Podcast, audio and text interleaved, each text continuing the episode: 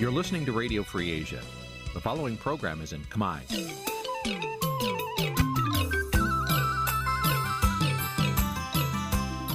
Nǐ chi càm bi tiệp xáy vệt chiu a zì sê ray នេះជាកម្មវិធីផ្សាយរបស់ Vithu Azisari ជាភាសាខ្មែរ វត្តឈូអាស៊ីសេរីសូមស្វាគមន៍លោកអ្នកនាងទាំងអស់ពីរដ្ឋធានី Washington នៃសហរដ្ឋអាមេរិក បាទខ្ញុំបាទយ៉ងច័ន្ទដារាសូមជម្រាបសួរលោកអ្នកនាងអ្នកស្ដាប់វិទ្យុអាស៊ីសេរីទាំងអស់ជាទីមេត្រី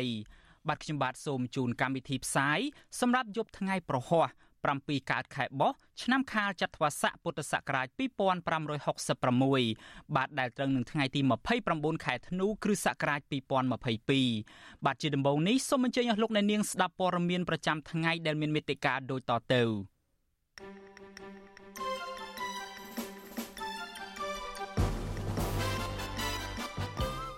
លោកសុនឆៃរក្សាជំហរចូលបំភ្លឺនៅតុលាការកំពូលក្នុងសំណុំរឿងដែលលោកចាញ់ក្តីគណៈបកប្រជាជនកម្ពុជាយ៉ាងហោចណាស់មានមនុស្សជិត20នាក់បានស្លាប់និងរបួសជាង50នាក់ដោយសារភ្លើងឆេះកាស៊ីណូនៅក្រុងប៉ោយប៉ែតខេត្តបន្ទាយមានជ័យ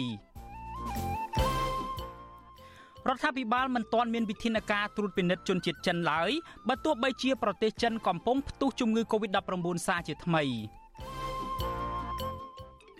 បាទអាជ្ញាធរកំពុងតាមចាប់អ ுக ្រិតជនគ្រឿងញៀនម្នាក់ដែលបានបាញ់ប៉ូលីសម្នាក់ស្លាប់នៅក្នុងពេលចុះប្រតិបត្តិការរួមនឹងព័ត៌មានសំខាន់សំខាន់មួយចំនួនទៀត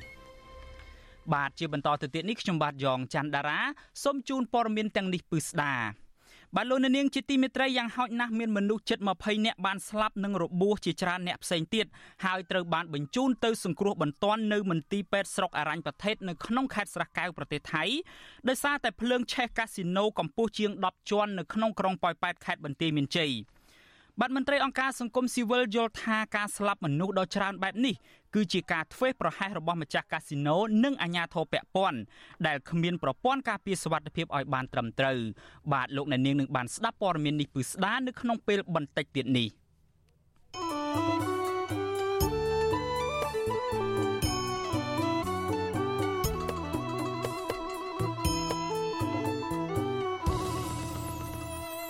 បាទលោកអ្នកនាងជាទីមេត្រីតកតងទៅនឹងរឿងនយោបាយវិញក្រមអ្នកវិភាគព្រមានពីការបែកបាក់ឯកភាពជាតិកាន់តែធ្ងន់ធ្ងរនៅក្នុងសង្គមកម្ពុជានៅក្នុងឆ្នាំថ្មីឆ្នាំ2023ខាងមុខដែលនឹងឈានចូលមកដល់ក្នុងរយៈពេលដ៏ខ្លីខាងមុខនេះ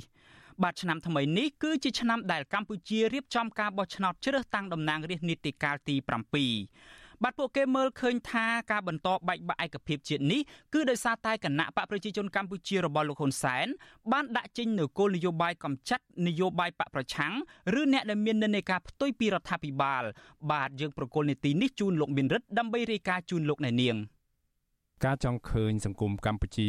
មានឯកភាពជាតិពេញលេញជានានឹងគ្នារវាងអ្នកនយោបាយខ្មែរនិងខ្មែរពីគ្រប់និន្នាការនោះ ទំនងជាคล้ายជាបំណងប្រាថ្នាចម្បងមួយក្នុងចំណោមពលរដ្ឋកម្ពុជាទូទៅសម្រាប់ឆ្នាំ2023នេះជាក់ស្ដែងសារជូនពររបស់អ្នកស្ដាប់វិទ្យុស៊ីស្រីមួយរូបគឺលោកមុំផលជាឧទាហរណ៍មួយដែលឆ្លុះបញ្ចាំងអំពីបំណងប្រាថ្នារបស់ពលរដ្ឋខ្មែរសម្រាប់ឆ្នាំថ្មីនេះ ដាច់ឆ្នាំ2022ចូលទីឆ្នាំ2023សូមឲ្យជោគជ័យទាំងអស់គ្នាឲ្យខ្មែររួបរวมគ្នាសាស្ត្រាជាតិទៅដំណោះស្រាយរឿងខ្មែរនៅខ្មែរឡើងវិញបាទសូមជូនពរទាំងអស់តែប្រទេសសុខទាំងអស់គ្នាបាទក៏ប៉ុន្តែការចង់ឃើញសង្គមខ្មែរមានឯកភាពជាតិពេញលេញនេះទំនងជាពិបាកសម្រេចបាន ពីព្រោះអំឡុងពេលពេញមួយឆ្នាំ2022ដែលជិតផុតទៅហើយនេះ គណៈបកកណ្ដាលអំណាចរបស់លោកនាយរដ្ឋមន្ត្រីហ៊ុនសែនមិនបានញញើតនៅក្នុងការដាក់ចេញនៅគោលនយោបាយនិងយុទ្ធសាស្ត្រតាមកំចាត់ក្រុមអ្នកប្រឆាំងដល់ទីបញ្ចប់ឡើយហ៊ុនសែននឹងបដូរផ្ដាច់កំចាត់ចោលនៅមโนគមវិជានៃពូជអាក្បត់ជាតិ3ចំណត់ឥឡូវជិតដល់ខួបលើកទី20នៃការដែលណែដាក់ចេញអត់ស៊ីមានស៊ីអត់សែនមានសែនអត់ស៊ីហើយព្រោះ ចាប់ផ្ដើមពី2003ណែដាក់ចេញគោលនយោបាយនេះឥឡូវខ្ញុំក៏ទទួលអនុវត្តគោលនយោបាយនឹងដូចគ្នាតែខ្ញុំមិនសម្រាប់ណែទេទំនងជាដើម្បីត្រួសត្រាយនិងធានាដល់ការអនុវត្តនៅផែនការនៃការផ្ទេរអំណាចតពូជពងវងត្រកូល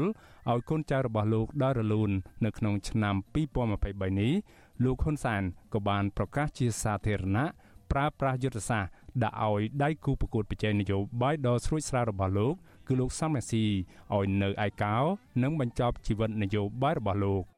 ការបដិញ្ញាចិត្តមិនរួញរារបស់លោកនាយរដ្ឋមន្ត្រីហ៊ុនសែននៅក្នុងការដាក់ចេញនៅគោលនយោបាយតាមកំចាត់ខ្មែរគ្នាឯនេះត្រូវគេមើលឃើញថាมันខុសអ្វីពីសម័យកាលខ្មែរក្រហម ដែលអនុវត្តនៅទ្រឹស្ដីជីកស្មៅជីកទាំងរឹសក្រោមការចាត់ប្រកាន់ពីបទក្បត់ជាតិឬក្បត់អង្គការដ៏ទូលំទូលាយ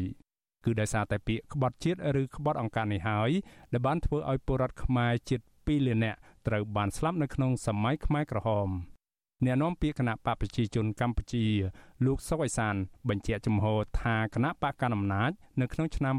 2023នេះនឹងនៅតែមិនចរចាឬផ្សះផ្សាជាមួយក្រុមអ្នកប្រឆាំងដែលលោកហៅថាជាក្រុមជ្រុលនិយមនោះឡើយយើងអត់មានបដែតបដោយទេអាហ្នឹងគឺដាច់ខាតហើយ ជាមួយពួកនេះអត់មានអីចរចាឬមួយសម្របសម្រួលទេអត់ទេពួកគាត់នឹងគាត់ដាច់ខាតជាមួយយើងហើយចាត់ទុកយើងជាខ្មាំងសត្រូវសឹងតែសួរពូជទៅហើយអាហ្នឹងយើងចាក់បដ ாய் តាមគាត់អាហ្នឹងជូនតាមដំណើររបស់គាត់ដែរយើងឆ្លើយតបស្របទៅតាមនយោបាយរបស់គាត់ការថ្លែងដាច់ខាតរបស់អ្នកនាំពាក្យគណៈបកកណ្ដាលអំណាចបែបនេះបង្ហាញថាអ្នកនយោបាយខ្មែរហាក់មិនបានរៀនសូត្រ ពីប្រវត្តិសាស្ត្រដ៏ជូរចត់កាលពីសម័យខ្មែរក្រហមនោះឡើយបើទោះបីជាពិភពលោកបានចំណាយលុយមិនតិចជាង300លានដុល្លារដើម្បីនាំយកក្រុមមេដឹកនាំជាន់ខ្ពស់នៃរបបនេះមកកាត់ទោសដោយតឡាការកូនកាត់ខ្មែរក្រហមយ៉ាងណាក្តីអ្នកវិភាគនយោបាយបណ្ឌិតមាសនេះយល់ឃើញថាគណៈបកកណ្ដាលអំណាចរបស់លោកនាយរដ្ឋមន្ត្រីហ៊ុនសែន បានប្រាជ័យនៅក្នុងការធានាឲ្យបាននៅឯកភាពជាតិដោយតាមអ្វីដែលបានព្រមព្រៀងនៅក្នុងកិច្ចព្រមព្រៀងសន្តិភាពក្រុងប៉ារី23ដុល្លារ1991មកដល់ពេលនេះយើងឃើញថារដ្ឋាភិបាលប្រមាណអាណត្តិមកដល់ពេលនេះគឺនៅទទួលបរាជ័យនៅឡើយទេនៅក្នុងការនាំមកនៅឯកភាពជាតិក៏ប៉ុន្តែទៅនឹងក៏វាធ្វើឲ្យការប្រេះឆាជាតិនេះគឺមានកាន់តែធំទៅធំទៅរហូតដល់និយាយគ្នាលែងបានហើយដោះស្រាយគ្នាលែងបាននេះជារឿងសំខាន់មួយ បើតាមបណ្ឌិតមាសនេះការខ្វះឯកភាពជាតិនេះក៏បង្កជាបញ្ហារាំងស្ទះមួយទៅដល់ការអភិវឌ្ឍស្រុកទេស្របពេលដែលប្រទេសនានានៅលើពិភពលោកបច្ចុប្បន្នកំពុងដើរទៅដល់ការធ្វើការរួមគ្នាដើម្បីអភិវឌ្ឍជាតិស្រដៀងគ្នាទៅនឹងការលើកឡើងនេះអ្នកជំនាញផ្នែកវិទ្យាសាស្ត្រនយោបាយ លោកអែមសវណ្ណារាមើលឃើញថាសង្គមកម្ពុជា សម្រាប់ឆ្នាំ2023ខាងមុខនេះហាក់ពិបាកនឹងសម្រេចបាននូវការផ្សះផ្សាជាតិឬការត្រូវរើគ្នារវាងអ្នកនយោបាយខ្មែរនិងខ្មែរឡើងវិញណាលោកថាការនេះគឺដោយសារតែអ្នកនយោបាយខ្មែរបន្តអនុវត្តនៅគោលនយោបាយទឹកឡើងត្រីស៊ីស្រមោចទឹកហោចស្រមោចស៊ីត្រី ព្រោះយើងមើលបច្ចុប្បន្ននេះអ្នកនយោបាយមានអំណាចហាក់ដូចជាកំពុងតែផ្ដាច់ផ្ដាល់ឬក៏ធ្វើឲ្យគណៈបកងើបឡើងគណៈបកក្រៅរដ្ឋាភិបាលសម្ដៅជំនួយបកប្រឆាំងហ្នឹងពុំមានលទ្ធភាពឬក៏ហៅថាតាមធ្វើម៉េចมันអាចមានលទ្ធភាពពុតចែងឲ្យបត់ចោតទាំងឡាយណាឬនឹងគណៈបកសង្គមជាដើមយើងរហូតដល់បច្ចុប្បន្ននេះយើង5ឆ្នាំជាងមិនទាន់ឃើញមានអំណះអំណាងរឹងមាំរឹងមាំទេ រដ្ឋាភិបាលរបស់លោកនាយរដ្ឋមន្ត្រីហ៊ុនសែនបានចាប់ផ្ដើមបើកយុទ្ធនាការជាប្រព័ន្ធគោះរំលើងប្រជាធិបតេយ្យនៅកម្ពុជាដោយការរំលាយគណៈបកសង្គ្រោះជាតិកាលពីចុងឆ្នាំ2017ដោយគ្មានមូលដ្ឋានច្បាប់យុទ្ធនាការកំទេចមតិផ្ទុយពីបកកណ្ដាលអំណាចនេះបន្តអូសបន្លាយរហូតដល់ពេលបច្ចុប្បន្ននេះ ក្រុមអ្នកគាំទ្រគណៈបកប្រឆាំងនិងក្រុមអ្នករិះគន់រដ្ឋាភិបាលមិនតិចជាង200នាក់ឡើយបានរងគ្រោះនិងបន្តរងគ្រោះពីយុទ្ធនាការនេះខណៈពួកគេមួយចំនួនក្នុងនោះក៏រួមមានទាំងមេធាវីខ្មែរសញ្ជាតិអាមេរិកាំងកញ្ញាសេងធីរីផង កំពុងជាប់គុកក្នុងពន្ធនាគារ បណ្ឌិតមាសនេះប្រមានថាការបង្កើនការបង្ក្រាបរបស់គណៈបកកណ្ដាលអំណាចមកលើក្រមពលរដ្ឋដែលមានទស្សនៈផ្ទុយឬក្រមអ្នកប្រឆាំងនឹងคล้ายជាគ្រោះសម្រាប់គណៈបកកណ្ដាលអំណាចទៅវិញទេ ការប្រកាសនៅក្នុងឆ្នាំ2022របស់ប្រមុខរដ្ឋាភិបាលទៅលើការព្យាយាមកំទេចឲ្យអស់ពីលើដល់ក្រោមនោះខ្ញុំគិតថាវានឹងអាចនាំមកនៅគ្រោះសម្រាប់គណៈបកកណ្ដាលអំណាចនឹងជាជាងការនាំមកនៅផលចំណេញប្រសិនបើការបង្ក្រាបឬការគម្រាមទាំងនោះនៅតែបន្តរហូតដល់ឆ្នាំ2023 អញ្ចឹងប្រសិនបើការគម្រាមនៅតែមានបន្តទៅទៀតនោះវានឹងអាចធ្វើឲ្យគណៈបកកម្មាគាត់មានការពិបាកនៅក្នុងការស្ដារនៅប្រជាប្រិយភាពឡើងវិញហើយកាលណាគាត់មិនបានទទួលនៅទំនុកចិត្តទទួលបាននៅការគ្រប់គ្រងពីប្រជាពលរដ្ឋវិញទេនោះគឺខ្ញុំមានជំនឿថាតាមរយៈប្រព័ន្ធចារកម្មរបស់រដ្ឋហ្នឹងគឺវានឹងអាចមានការបង្ក្រាបបន្តទៀតដូច្នេះការកណាការបង្ក្រាបកាន់តែច្រើន ការលំបាកនៅក្នុងការទៀមទាក្នុងការទិញយកឬក៏ទាញយកបេះដូងរបស់ពលរដ្ឋកម្ពុជានឹងរៀបចំការបោះឆ្នោតជ្រើសតាំងតំណាងរាស្ត្រអាណត្តិទី7នៅថ្ងៃអាទិត្យទី23ខែកក្កដាឆ្នាំ2023ការបោះឆ្នោតនេះនឹងក្លាយជាវិញ្ញាសាកាត់ក្តីមួយ ទៅលើយុទ្ធនាការបង្ក្រាបជាប្រព័ន្ធរបស់គណៈបកប្រជាជនកម្ពុជា ចាប់តាំងពីក្រោយការបោះឆ្នោតជាតិដ៏ចម្រូងចម្រាសកាលពីឆ្នាំ2018មកប្រសិនបើគណៈកម្មាធិការជាតិរៀបចំការបោះឆ្នោតឬកោជប មិនរងនឹងការរិះគន់ថាលំអៀងគ្មានអព្យាក្រឹតនិងមិនឯករាជ្យនោះទេនោះការបោះឆ្នោតនេះទំនងជាអាចធ្វើឲ្យគណៈបកប្រជាជនកម្ពុជាត្រូវប្រឈមនឹងព្យុះសង្គ្រាមនយោបាយមិនខុសពីកាលពី10ឆ្នាំមុន ស្របពេលដែលគណៈបកភ្លើងទៀនកំពុងក្លាយជាដៃគូប្រកួតប្រជែងដ៏សំខាន់មួយរបស់គណៈបកកណ្ដាលអំណាចក្រុមអ្នកឃ្លាំមើលបញ្ហាសង្គមនិងនយោបាយកម្ពុជា កំពុងតាមឃ្លាំមើលថាតើគណៈបកកណ្ដាលអំណាច ហ៊ានឈានទៅរំលាយគណៈបកភ្លើងទៀននៅមុនការបោះឆ្នោតជាតិនៅឆ្នាំ2023នេះដែរឬយ៉ាងណានោះខ្ញុំបាទមេរិត Visual C ស្រីរាយការណ៍ពីរដ្ឋធានី Washington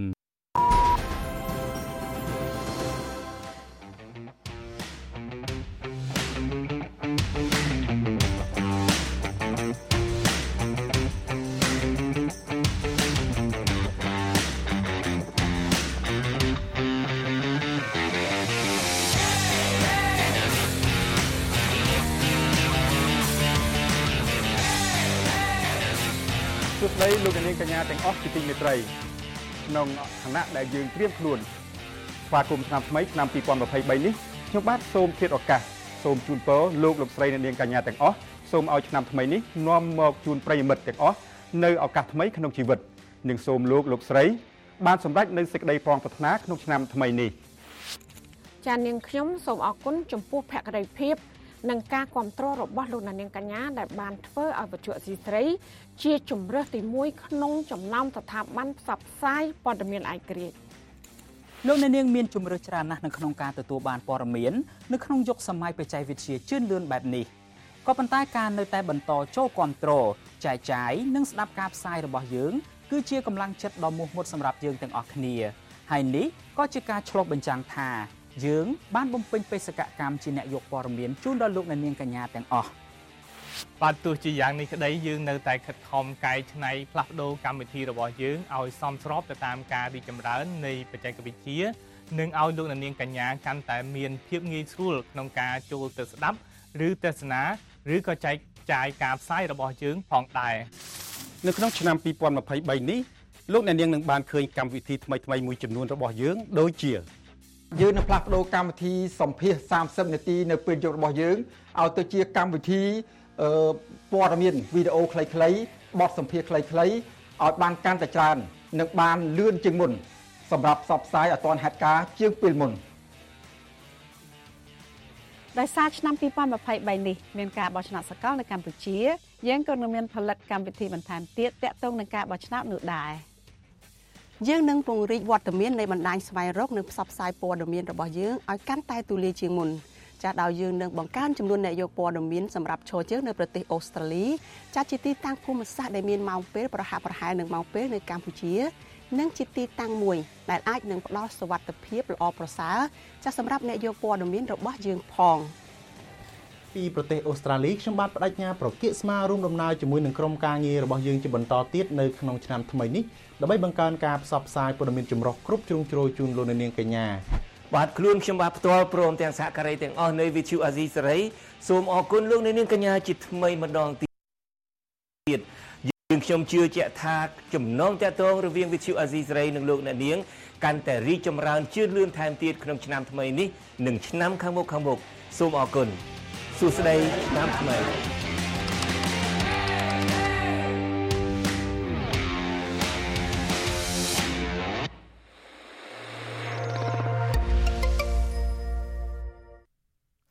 បាទលោកនាងជាទីមេត្រីយើងងាកមកចាប់អារម្មណ៍ទៅនឹងបញ្ហាពាក់ព័ន្ធទៅនឹងវិស័យសុខាភិបាលឯនេះវិញស្របពេលដែលប្រទេសធំធំមួយចំនួនព្រួយបារម្ភនឹងចាប់ផ្ដើមដាក់ចេញនៅវិធានការត្រួតពិនិត្យអ្នកធ្វើដំណើរមកពីប្រទេសចិនដើម្បីទប់ស្កាត់ការឆ្លងជំងឺ Covid-19 នោះរដ្ឋាភិបាលកម្ពុជាឯនេះវិញអះអាងថានៅមិនទាន់មានវិធានការត្រួតពិនិត្យធ្វើតេស្ត Covid-19 ឲ្យបានតឹងរឹងចំពោះអ្នកដំណើរមកពីប្រទេសចិននៅឡើយទេ បាទអ្នកជំនាញផ្នែកឱសថនិងសង្គមស៊ីវិលយល់ថាប្រសិនបើរដ្ឋាភិបាលកម្ពុជាមិនមានវិធានការតឹងរឹងទេនោះប្រជាពលរដ្ឋកម្ពុជានឹងប្រឈមការឆ្លងជំងឺ Covid-19 កាន់តែខ្លាំងក្លាបន្ថែមទៀតដែលជាគ្រោះថ្នាក់ដល់ប្រជាពលរដ្ឋនិងប្រទេសជាតិបាទអ្នកស្រីម៉ៅសុធានីរាយការណ៍ពឹស្ដារអំពីរឿងនេះ រដ្ឋាភិបាលកម្ពុជាដែលជាមិត្តដែលថែបរបស់ចិននោះនៅតែគ្មានក្តីព្រួយបារម្ភនិងបន្តបើកលំហជើងមេឃដល់ជនជាតិចិនមកប្រទេសកម្ពុជាដោយលើកមុនដដែលបើទោះបីជាពេលនេះអ្នកជំនាញវិទ្យាសាស្ត្រអះអាងថាក្នុងមួយថ្ងៃមួយថ្ងៃប្រទេសចិនមានអ្នកឆ្លងជំងឺ Covid យ៉ាងហោចណាស់5000នាក់ហើយចំនួនអ្នកឆ្លងសរុបគិតមកដល់ថ្ងៃនេះគឺមានជាង1លានអ្នកហើយផ្ទុយពីមេដឹកនាំកម្ពុជានេះមេដឹកនាំប្រទេសធំធំមួយចំនួនចាប់ផ្ដើមព្រួយបារម្ភនិងប្រកាសដាក់វិធានការត្រួតពិនិត្យតឹងរឹងចំពោះអ្នកធ្វើដំណើរចេញពីប្រទេសចិនដោយសារតែពេលនេះរដ្ឋាភិបាលចិន បានបើកទ្វារបរដ្ឋចិនដែលហើរចេញទៅក្រៅប្រទេសខណៈដែលកំពុងមានការផ្ទុះជំងឺ Covid-19 អ្នកនាំពាក្យរដ្ឋាភិបាលលោកផៃសុផានប្រាប់បច្ចុប្បន្នអសីស្រីនៅថ្ងៃទី29ខែធ្នូ ថាកម្ពុជាមិនមានវិធានការធ្វើតេស្ត COVID-19 តឹងរឹងចំពោះជនជាតិចិននោះទេហើយថាបើសិនជាមាននោះគឺត្រូវអនុវត្តទៅតាមគោលការណ៍3គុំ3ការពារដែលមានស្រាប់លោកថាកម្ពុជាមិនមានការព្រួយបារម្ភដោយសារតែជនជាតិចិនដែលមានកូវីដ19 នោះគឺរដ្ឋាភិបាលចិនមិនអនុញ្ញាតឲ្យពួកគេចេញទៅក្រៅប្រទេសនោះឡើយលោកថាជនជាតិចិនដែលចេញមកកម្ពុជា គឺជាអ្នកដែលនៅឆ្ងាយពីជំងឺ Covid-19 ដូច្នេះអឺយើងក៏ពុំមានការបារម្ភខ្ពស់នោះទេអាស្រ័យដោយការបិទគប់របស់ចិន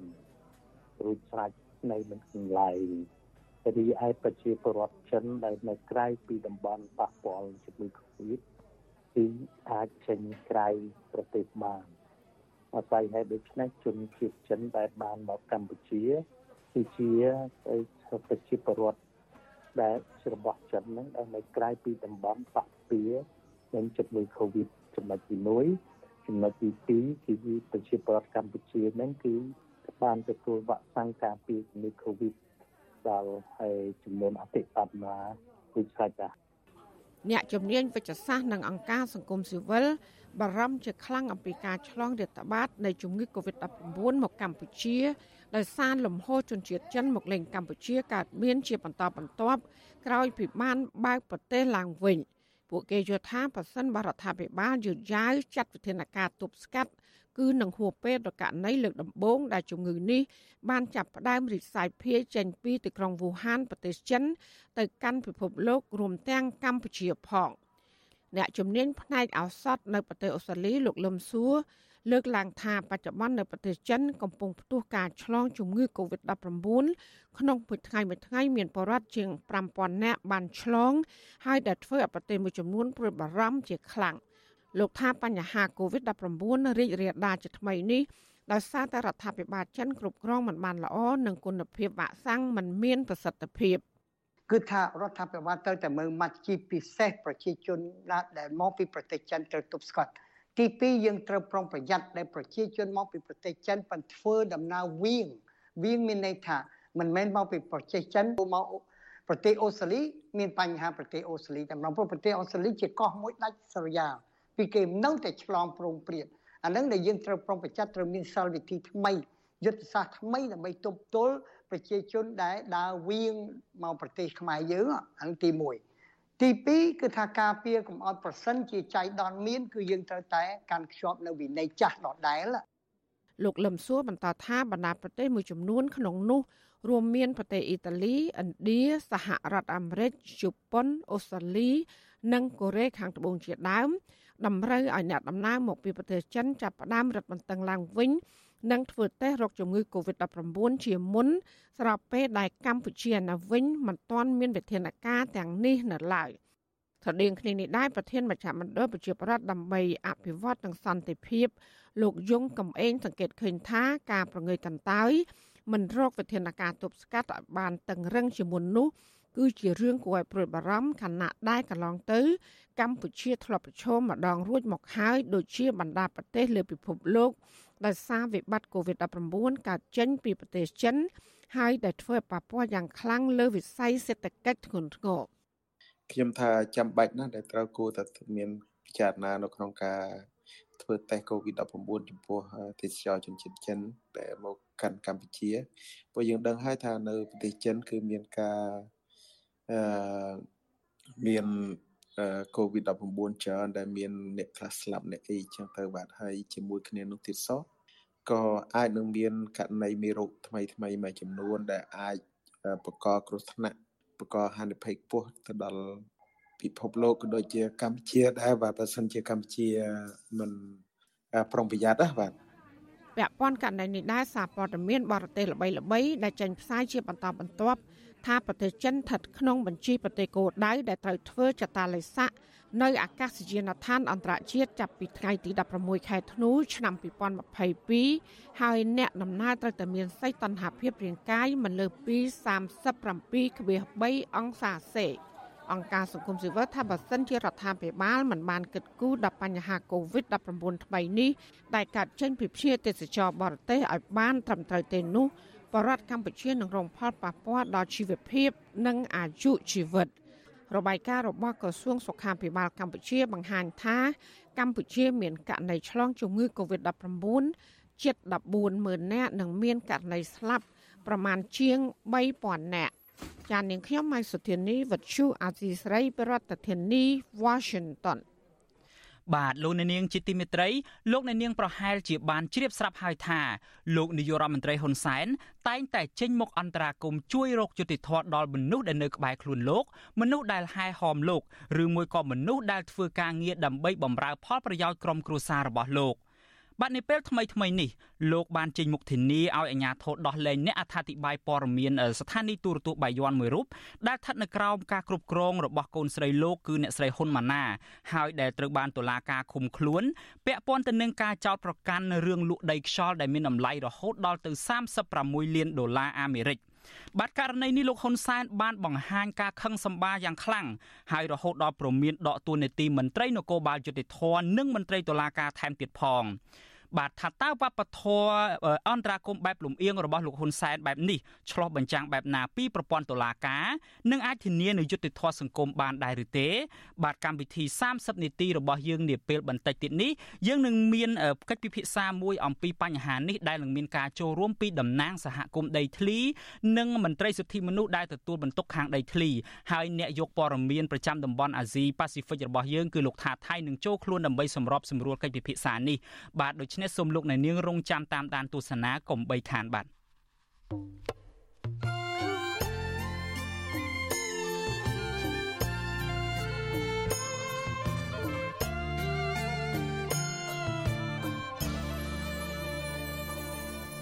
បាទលោកអ្នកនាងជាទីមេត្រីយើងងាកមកចាប់អារម្មណ៍ទៅនឹងហេតុការណ៍ដ៏រន្ធត់ប្រចាំថ្ងៃនៅថ្ងៃនេះវិញបាទយ៉ាងហោចណាស់មានមនុស្សជិត20នាក់បានស្លាប់និងរបួសជាច្រើនអ្នកទៀតហើយត្រូវបានបញ្ជូនទៅសង្គ្រោះបន្ទាន់នៅមន្ទីរពេទ្យស្រុកអរញ្ញប្រទេសនៅក្នុងខេត្តស្រះកែវប្រទេសថៃ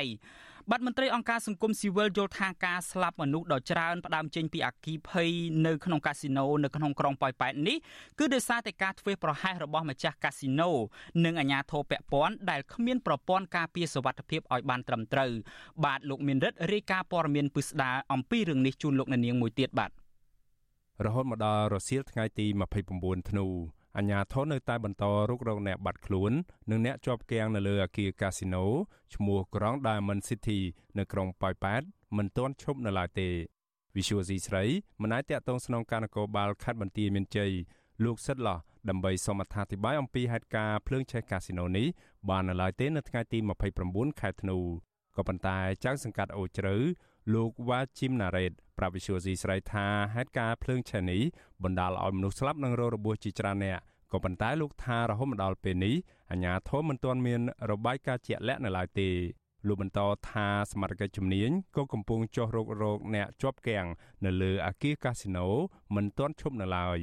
ចំណែកឯអ្នករងរបួសវិញ លោកថាមួយចំនួនត្រូវបានអាជ្ញាធរបញ្ជូនទៅសង្គ្រោះបន្ទាន់នៅមន្ទីរពេទ្យក្រុងប៉ោយប៉ែត និងមួយចំនួនទៀតត្រូវបានបញ្ជូនទៅព្យាបាលនៅស្រុកអរញ្ញខេត្តស្រះកែវ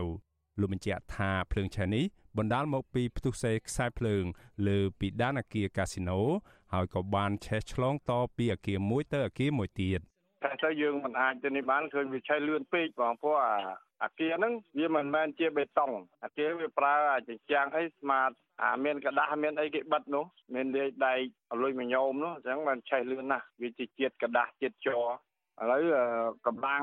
រាវអាញាធរនិងកម្លាំងសមត្ថកិច្ចនិងកម្លាំងរបស់ថៃដែលកំពុងសង្គ្រោះនិងយកសាកសពនៅកំពុងដំណើរការនៅឡើយប៉ុន្តែភ្លើងវាឆេះខាងក្នុងនៅតែហុយដដែលអត់ទាន់លួតចំណែកឯទំព័រ Facebook របស់អភិបាលខេត្តបន្ទាយមានជ័យលោកអ៊ុំរេត្រីលោកបានចុះផ្សាយថាកងកម្លាំងអន្តរាគមន៍កម្ពុជានិងថៃកំពុងមមាញឹកជួយសង្គ្រោះមនុស្សដែលជាប់គាំងនៅក្នុងអាគារបានជាបន្តបន្ទាប់ ចំពោះអ្នករងរបួសអ្នកស្លាប់នឹងទំហំនៃការខូចខាតវិញ នៅមិនទាន់បានប៉ាន់ប្រមាណនៅឡើយទេគិតត្រឹមរសៀលថ្ងៃដដែលនេះរដ្ឋមន្ត្រីក្រសួងសុខាភិបាលនៃប្រទេសថៃលោកអនុทินឆាន់វិរៈគុលប្រាប់ក្រុមអ្នកសារព័ត៌មានថាគិតត្រឹមម៉ោង12ថ្ងៃត្រង់មានជនជាតិថៃចំនួន34នាក់រងរបួសនិងម្នាក់ស្លាប់ដោយសារភ្លើងឆេះកាស៊ីណូនៅក្រុងប៉ោយប៉ែតហើយអ្នករងរបួសកំពុងត្រូវបានសង្គ្រោះបន្ទាន់នៅក្នុងមន្ទីរពេទ្យខេត្តស្រះកែវ ទោះជាយ៉ាងណាមន្ត្រីសម្របសម្រួលសមាគមការពារសិទ្ធិមនុស្សអាត់ហុកប្រចាំខេត្តបន្ទាយមានជ័យលោកស៊ុំច័ន្ទគាមានប្រសាសន៍ថាប្រជាពលរដ្ឋដែលនៅក្បែរអភិបាលរងខេត្តបន្ទាយមានជ័យលោកងៅមេងជ្រួនប្រាប់លោកថាគិតត្រឹមម៉ោង2រសៀលថ្ងៃទី29ខែធ្នូយ៉ាងហោចណាស់មានមនុស្សស្លាប់16នាក់និងអ្នករងរបួសមានចំនួន53នាក់ហើយសាកសពត្រូវបានគេយកទៅតម្កល់ទុកនៅវត្តស្រះត្រាចនៅក្រុងប៉ោយប៉ែត ដើម្បីរងចាំសមត្ថកិច្ចធ្វើកសលវិច័យរោគអត្តសញ្ញាណអ្នកស្លាប់លោកមើលឃើញថាការស្លាប់មនុស្សដ៏ច្រើនបែបនេះកើតឡើងដោយសារតែការធ្វេសប្រហែសរបស់ម្ចាស់កាស៊ីណូនិងអាជ្ញាធរពាក់ព័ន្ធដែលមិនបានធ្វើប្រព័ន្ធការពារសុវត្ថិភាពឲ្យបានត្រឹមត្រូវដើម្បីជំនះមនុស្សក្នុងពេលមានអាសន្ន។ មើលឃើញថានៅពេលបញ្ហាកើតឡើងគឺដាច់ភ្លើងហើយដាច់ភ្លើងហើយសូម្បីក៏ដឹងអត់រូសូម្បីទេអ្វីអ្វីសម្រាប់ជួយដល់ពួកគាត់គឺអត់មានទាំងអស់មានតែពួកគាត់អង្គុយលើយើងឃើញនៅគេថតហ្នឹងឃើញអង្គុយលើពអួចហ្នឹងបក់ដៃឲ្យជួយផងនឹងហើយឲ្យជួយផងទៅវិញអញ្ចឹងហើយនៅលើហ្នឹងគឺត្រូវមានគណៈកម្មការចំពោះកិច្ចមួយ ដើម្បីរកស៊ើបអង្កេតឲ្យបានច្បាស់ថាតើកាស៊ីណូកើតឡើងហ្នឹងធ្វើទៅតាមស្តង់ដារអត់ហើយមានប្រព័ន្ធសុវត្ថិភាពដល់បុគ្គលិកអត់ព្រោះថាដោយសារមិនបើសិនតែ កាស៊ីណូនឹងដែលមានចេតនាមួយខ្ជីខ្ជាធ្វើប្រហែសមិនយកចិត្តទុកដាក់មិនគោរពបទបញ្ជាអីគាត់គឺត្រូវទទួលខុសត្រូវចំពោះមុខច្បាប់ហើយបាទ រូបភាពនិងវីដេអូខ្លីមួយចំនួនដែលត្រូវបានគេបង្ហោះនៅលើបណ្ដាញសង្គម Facebook បង្ហាញថាមានជនរងគ្រោះមួយចំនួនស្រែកតាមបងអួយអាគារកាស៊ីណូអំពាវនាវឲ្យអាជ្ញាធរជួយដល់ពួកគេនិងខ្លះទៀតបានលោតពីអាគារកាស៊ីណូដោយសារតែពួកគេមិនអាចទ្រាំទៅនឹងកម្ដៅនិងផ្សែងភ្លើងពីខាងក្នុងអាគារបាន ក្រៅពីអ្នករងរបួសនិងស្លាប់ក្នុងហេតុការណ៍ភ្លើងឆេះកាស៊ីណូក្រុង Diamond City នៅក្រុងប៉ោយប៉ែតកាលពីព្រឹកថ្ងៃទី29ធ្នូក៏មានមនុស្សជាច្រើនអ្នកបាត់ខ្លួននិងរោគមិនទាន់ឃើញអស់នៅឡើយបងថ្លៃជនរងគ្រោះម្នាក់ដែលធ្វើការនៅក្នុងអាគារកាស៊ីណូក្រុង Diamond City លោកហៀងប៊ុនឿនថ្លែងថាប្អូនស្រីរបស់លោក ធ្វើការផ្នែកបោសម្អាតនៅក្នុងអាគារកាស៊ីណូមួយនេះហើយបានបាត់ខ្លួនចាប់តាំងពីយប់ថ្ងៃកើតហេតុរហូតមកដល់ពេលនេះរោងមិនទាន់ឃើញនៅឡើយទេលោកបន្តថាប្អូនរបស់លោកពុំដឹងថាជាប់គាំងនៅលើអាគារឬត្រូវបានអាជ្ញាធរបញ្ជូនទៅសង្គ្រោះបន្ទាន់នៅប្រទេសថៃនោះទេព្រោះលោកថាមានមនុស្សជាច្រើនអ្នកកំពុងជាប់នៅក្នុងអាគារកាស៊ីណូនេះដល់ធំបងអើយបើឲ្យមើលតែ Facebook ក៏ដឹងថាវាលោត គ្នាក្តៅទៅគ្នាលោតមកក៏មានអីក៏មានគាត់ថាយើងតាមជាក់ស្ដែងដែលឆៃដំបងហ្នឹងអ្នកលោតមកហ្នឹងស្លាប់អស់4 5នាក់ហើយលោតមកហ្នឹងបើថាខាងក្រៅទៅមិនដឹងទេពីយប់មិញគេថាជូនទៅខាងពេទ្យអរញ្ញច្រើនឡើងពេញពេទ្យអរញ្ញហើយព្រោះអីគេអត់នៅទុកនៅខ្មែរទេតែពេទ្យនេះគេជូនទៅអរញ្ញអស់ចឹងតែមិនដឹងថាវានៅអរញ្ញក៏វាបាត់ខ្លួនចឹងណាបើយើងបានគេគាត់ថាសន្និដ្ឋានសិនទៅហើយថាលោកវាទៅអរញ្ញក៏បានរស់ទៅបើថាវាមិនទៅអរញ្ញមានតែស្លាប់នេះឯងកាស៊ីណូ Grand Diamond City នៅក្រុងប៉ោយប៉ែតមានទីតាំងជាប់អមសងខាងផ្លូវជាតិលេខ5និងមានកម្ពស់16ជាន់ដែលមានចម្ងាយប្រមាណ200ម៉ែត្រពីព្រំដែនកម្ពុជាថៃលោកហៀងប៊ុនឿនឲ្យដឹងថាកាស៊ីណូមួយនេះបើកដំណើរការមកចាប់តាំងពីឆ្នាំ2001រហូតមកដល់បច្ចុប្បន្ននិងមានបុគ្គលិកធ្វើការប្រមាណ2000នាក់ខ្ញុំបាទមេរិត Visual C ស្រី រាយការណ៍ពីរដ្ឋធានី Washington បាទលោកអ្នកនាងជាទីមេត្រីព័ត៌មានអាប់ដេតចុងក្រោយបំផុតនៃករណីឆេះកាស៊ីណូនៅក្នុងក្រុងប៉ោយប៉ែតនេះគឺថាអ្នកនាំពាក្យសាលាខេត្តបន្ទាយមានជ័យលោកសេកសុខុមបានប្រាប់វិទ្យុអាស៊ីសេរីនៅមុននេះបន្តិចថារហូតមកទល់នឹងពេលនេះចំនួនអ្នកស្លាប់បានកើនឡើងរហូតដល់19អ្នកហើយនិងរបួសមានជាង60អ្នក បាទលោកបន្តថាអាចនឹងមានមនុស្សរាប់រយនាក់ផ្សេងទៀតកំពុងជាប់គាំងនៅក្នុងអាគារហើយពេលនេះអាជ្ញាធរកំពុងប្រតិបត្តិការរុករកនិងជួយសង្គ្រោះពួកគាត់ជាបន្តទៀតបាទយើងនឹងបន្តតាមដានព្រឹត្តិការណ៍ដ៏រន្ធត់ប្រចាំចុងឆ្នាំ2022នេះហើយផ្សាយជូនលោកអ្នកនាងនាពេលកម្មវិធីផ្សាយនាពេលក្រោយទៀតបាទសូមអរគុណ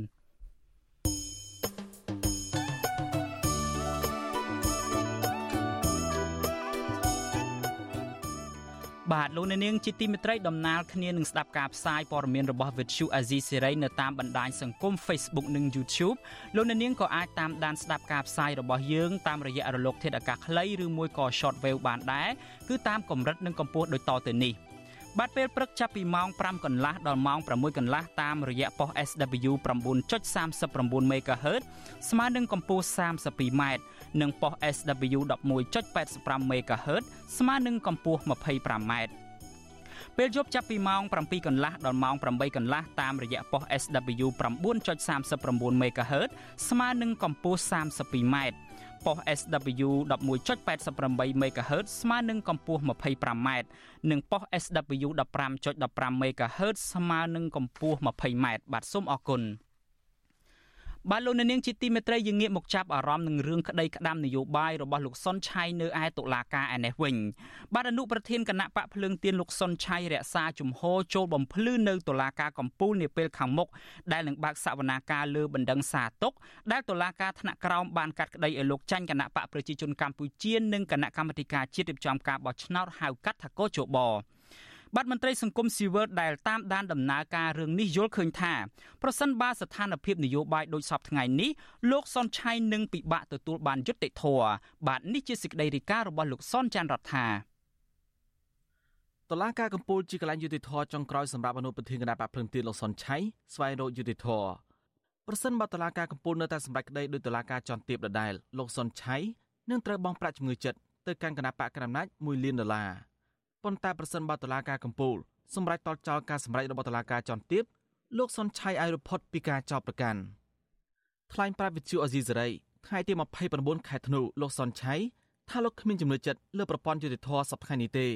ប៉ុន្តែលោកនឹងព្យាយាមទាមទារយុតិធធពីតុលាការគ្រប់ជាន់ថ្នាក់ឲ្យអស់ពីលទ្ធភាពអ្នកនយោបាយជើងចាស់លោកសុនឆៃក៏ត្រៀមខ្លួនចូលបំភ្លឺក្នុងសវនកម្មនៅតុលាការកំពូលនាពេលខាងមុខនេះដែរ។ មិនមានជំនឿទេប៉ុន្តែគ្រាន់តែធ្វើឲ្យអស់នីតិវិធីបាទបានខ្ញុំនឹងចូលជាជានិច្ចគ្រូខ្ញុំបានសម្រេចចិត្តហើយថាយើងនឹងចូលប្រឡូកក្នុងការងារនយោបាយនៅក្នុងប្រទេសជាតិរបស់យើងហើយអ្វីដែលជាច្បាប់ដែលបានកំណត់ទោះបីអាក្រក់ឬល្អនឹងខិតខំធ្វើទៅតាមគោលការណ៍ច្បាប់ទាំងនេះដើម្បីឲ្យដំណើរការចូលរួមរបស់យើងនឹងប្រព្រឹត្តទៅបានចប់ចុងចប់ដើមលោកសុនឆៃ ប្រាប់ថាលោកបានប្រកល់ការងារនេះទៅមេធាវីការពីក្តីរបស់លោករួចហើយដើម្បីប្តឹងសារទុកទៅតុលាការចំពោះការសម្ដែងរបស់សាលាធររាជធានីភ្នំពេញដែលបង្កប់ទៅលោកសុនឆៃឲ្យបង់ប្រាក់ជំងឺចិត្ត1លានដុល្លារទៅគណៈបកកណ្ដាលអំណាចលោកសុនឆៃថាលោកមិនគិតគូររឿងនេះទេដោយរងចាំមើលការសម្ដែងក្តីរបស់តុលាការកំពូលនាពេលខាងមុខសិនមេធាវីការពីក្តីលោកសុនឆៃគឺលោកមេធាវីជួងជងីបានសម្រេចប្តឹងសារទុកការសម្រេចរបស់សាលាធរភ្នំពេញក្នុងសំណុំរឿងបរិហាគេ ពាក់ព័ន្ធការធ្វើអត្ថាធិប្បាយរបស់លោកសុនឆៃដែលបានរិះគន់ការបោះឆ្នោតឃុំសង្កាត់អាណត្តិទី5កន្លងទៅថាមកបានឆ្លុះបញ្ចាំងពីឆន្ទៈរបស់ប្រជាពលរដ្ឋនិងការលួចបន្លំស្លឹកឆ្នោតជាដើមសាលាធរភ្នំពេញកាលពីថ្ងៃទី14ខែធ្នូបានរក្សាការសម្រេចរបស់តុលាការក្រុងភ្នំពេញទុកជាបានការតុលាការចុងខ្ពស់មួយនេះនៅតែសម្រេចឲ្យគណៈបកប្រជាជនកម្ពុជានិងគណៈកម្មាធិការជ្រៀបចំការបោះឆ្នោតកោចបបន្តឈ្នះក្តីលោកសុនឆៃដដែលហើយបានបង្កប់ទៅលោកសុនឆៃត្រូវបង់ថ្លៃជំងឺចិត្តទៅគណៈបកកណ្ដាលអំណាច ពី75ម៉ឺនដុល្លារឡើងទៅ1លានដុល្លារតាក់ទងរឿងនេះមន្ត្រីសិទ្ធិមនុស្សដែលតាមដានដំណើររឿងនេះយល់ថាការសម្រេចក្តីរបស់តុលាការកន្លងមកហាក់ដើម្បីបំពេញចិត្តគណៈបកប្រជាជនកម្ពុជានិងគោចបដែលជាភាគីដើមមិនដឹងបើទោះបីជាយ៉ាងណាអ្នកនាំពាក្យគណៈបកប្រជាជនកម្ពុជាលោកសុកអេសានដែលជាភាគីឈ្នះក្តីយល់ថាមតិរបស់មន្ត្រីអង្គការសង្គមស៊ីវិលគឺលំអៀងទៅលោកសុនឆៃអ្នកនាំពាក្យគណៈបកកណ្ដាលអំណាចរំនេះថ្លែងការពីចំណាក់ការរបស់តុលាការ ថាបានកាក្តីត្រឹមត្រូវតាមនីតិវិធីលោកសុកអេសានចោទប្រកាន់ថាការរិះគន់របស់លោកសុនឆៃពាក់ព័ន្ធរឿងបោះឆ្នោតគឺជានយោបាយធ្វើអត្តឃាតខ្លួនឯងអ្នកនាំពាក្យគណៈបកប្រជាជនកម្ពុជាដដែលថាសំណុំរឿងនេះមិនអាចបញ្ចប់ដោយការចរចាបានទេស្របពេលសំណុំរឿងនេះនៅក្នុងដៃតុលាការ យើងត្រូវបន្ទោសខ្លួនឯងដែលយើងតាំងខ្លួនជាខ្លាំងអស់មិនទទួលស្គាល់លទ្ធផលបោះឆ្នោតទេក៏ប៉ុន្តែទទួលយកអាសនៈដែលទទួលបានបាន20%ផងក៏ប៉ុន្តែធ្វើខ្លាំងប្រកាសមិនទទួលស្គាល់លទ្ធផលបោះឆ្នោតដូចគ្នានេះដែរនាយករដ្ឋមន្ត្រីហ៊ុនសែនបានថ្លែងជាសាធារណៈកាលពីពេលថ្មីថ្មីនេះស្របពេលសំណុំរឿងនេះនៅក្នុងដៃតុលាការថាលោករងចាំចាយលុយពីការរឹបអូសទ្រព្យសម្បត្តិរបស់លោកសុនឆៃតាក់ទងរឿងនេះ អ្នកសម្របសម្រួលផ្នែកគេរបងការខ្លំមើលការបោះឆ្នោត Confred លោកកនសវាងរីគុណថាការពិនិត្យថវិកាមួយលានដុល្លារពីលោកសុនឆៃគឺជាចំនួនច្រើនគួរព្រួយបារម្ភលោកបន្តថាការពិនិត្យនៅតម្រូវសងជំងឺចិត្តនេះមិនមានចែងក្នុងច្បាប់បោះឆ្នោតទេ ស្របពេលលោកសុនឆៃរីគុណបញ្ហានេះអំឡុងពេលបោះឆ្នោតលោកយល់ថាវិធានការរបស់តុលាការបែបនេះនឹងធ្វើប្រព័ន្ធមានការភ័យខ្លាចក្នុងការចូលរួមកិច្ចការបោះឆ្នោតលោកបន្តថាករណីនេះក្រៅពីប៉ះពាល់ដល់សតិអារម្មណ៍របស់ប្រជាពលរដ្ឋ នឹងធ្វើសហគមន៍អន្តរជាតិឬគន់ថាដំណើរការបោះឆ្នោតឆ្នាំ2023ខាងមុខនេះពោពេញទៅដោយការធ្វើទុកបុកម្នេញលើគណៈបកនយោបាយដែលជាដៃគូប្រគល់ប្រជែងជាមួយគណៈបកកណ្ដាលអំណាច ពីព្រោះអីនៅក្នុងច្បាប់វាអត់បានចែងថាស្ថាប័នជាតិណាមួយ មានតួនាទីនៅក្នុងការប្តឹងណាទៅអ្នកដែលលើកឡើងអំពីបញ្ហា នៅក្នុងការដាក់ទោសទណ្ឌដោយទាសំណងហ្នឹងគឺវាអត់មានទេអញ្ចឹងខ្ញុំយល់ឃើញអំពីនីតិវិធីទេដែលបានលើកឡើងអញ្ចឹងបាទអ្វីដែលខ្ញុំមើលឃើញគឺច្បាប់នៅក្នុងច្បាប់បោះឆ្នោតមិនបានកំណត់ទេបាទកំណត់លក្ខខណ្ឌឬក៏ការកាត់ឡើងតាក់ទងពាក់ព័ន្ធជាមួយនឹងការបោះឆ្នោតទេទ្រព្យសម្បត្តិរបស់លោកសុនឆៃ ដែលបកកណ្ដាលអំណាចទន្ទឹងរង់ចាំរឹបអូយនោះគឺដីផ្ទះរបស់សុនឆៃចំនួន2កន្លែងមួយកន្លែងនៅក្រុងភ្នំពេញហើយមួយកន្លែងទៀតនៅខេត្តសៀមរាបបើទោះបីជាយ៉ាងណាលោកសុនឆៃថាបើតឡាការកម្ពុជាមិនផ្ដល់យុត្តិធម៌ដល់លោកទេលោកនឹងជជែកជាមួយមេធាវីការពីក្តីនិងជាមួយគណៈបកភ្លើងទៀនដើម្បីដោះស្រាយបញ្ហាសំណង1លានដុល្លារនេះដោយសារអ្វីដែលលោកលើកឡើងក្នុងនាមជាថ្នាក់ដឹកនាំគណៈបកភ្លើងទៀន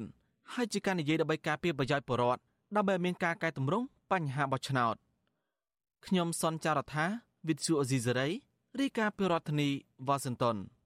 បាទលោកនាងជាទីមេត្រីលោកនាយករដ្ឋមន្ត្រីហ៊ុនសែនតែងតែចេញមុខអន្តរាគមជួយរកយុត្តិធម៌ឲ្យមនុស្សនៅក្បែរខ្លួនលោកមនុស្សដែលហែហោមលោកឬមួយក៏អ្នកធ្វើការងារដើម្បីបម្រើផលប្រយោជន៍ឲ្យក្រុមគ្រួសាររបស់លោក បាទថ្មីថ្មីនេះលោកបានចេញមុខធានាឲ្យអាជ្ញាធរដោះលែងអ្នកអត្ថាធិប្បាយព័ត៌មានអន្តរជាតិនៅទូរទស្សន៍បាយ័នដែលស្ថិតនៅក្រោមការគ្រប់គ្រងរបស់កូនស្រីលោកគឺអ្នកស្រីហ៊ុនម៉ាណែតហើយដែលត្រូវបានតុលាការឃុំខ្លួនពាក់ព័ន្ធទៅនឹងរឿងការចោទប្រកាន់រឿងលួចដីខ្យល់ដែលមានតម្លៃរហូតដល់ទៅ36លានដុល្លារអាមេរិកបាទករណីនេះលោកហ៊ុនសែនបានបង្ហាញការខឹងសម្បាខ្លាំងរហូតដល់ប្រមានដកទួលនីតិមន្ត្រីនគរបាលយុតិធធនិងមន្ត្រីតុលាការថែមទៀតផង បាទថាតើវប្បធម៌អន្តរាគមបែបលំអៀងរបស់លោកហ៊ុនសែននៅពេលនេះឆ្លោះបញ្ចាំងបែបណាពីប្រព័ន្ធតុលាការនិងអាចធានាយុត្តិធម៌សង្គមបានដែរឬទេ បាទនៅក្នុងនីតិកម្មវិធី30នាទីរបស់វិទ្យុអាស៊ីសេរីនៅយប់នេះយើងនឹងលើកយកបញ្ហានេះមកពិភាក្សាហើយអ្នកឆ្លើយឆ្លងព័ត៌មានរបស់វិទ្យុអាស៊ីសេរីប្រចាំតំបន់អាស៊ីប៉ាស៊ីហ្វិកគឺលោកថាថៃនឹងចូលខ្លួនមកសម្របសម្រួលនីតិនេះបាទសូមអរគុណ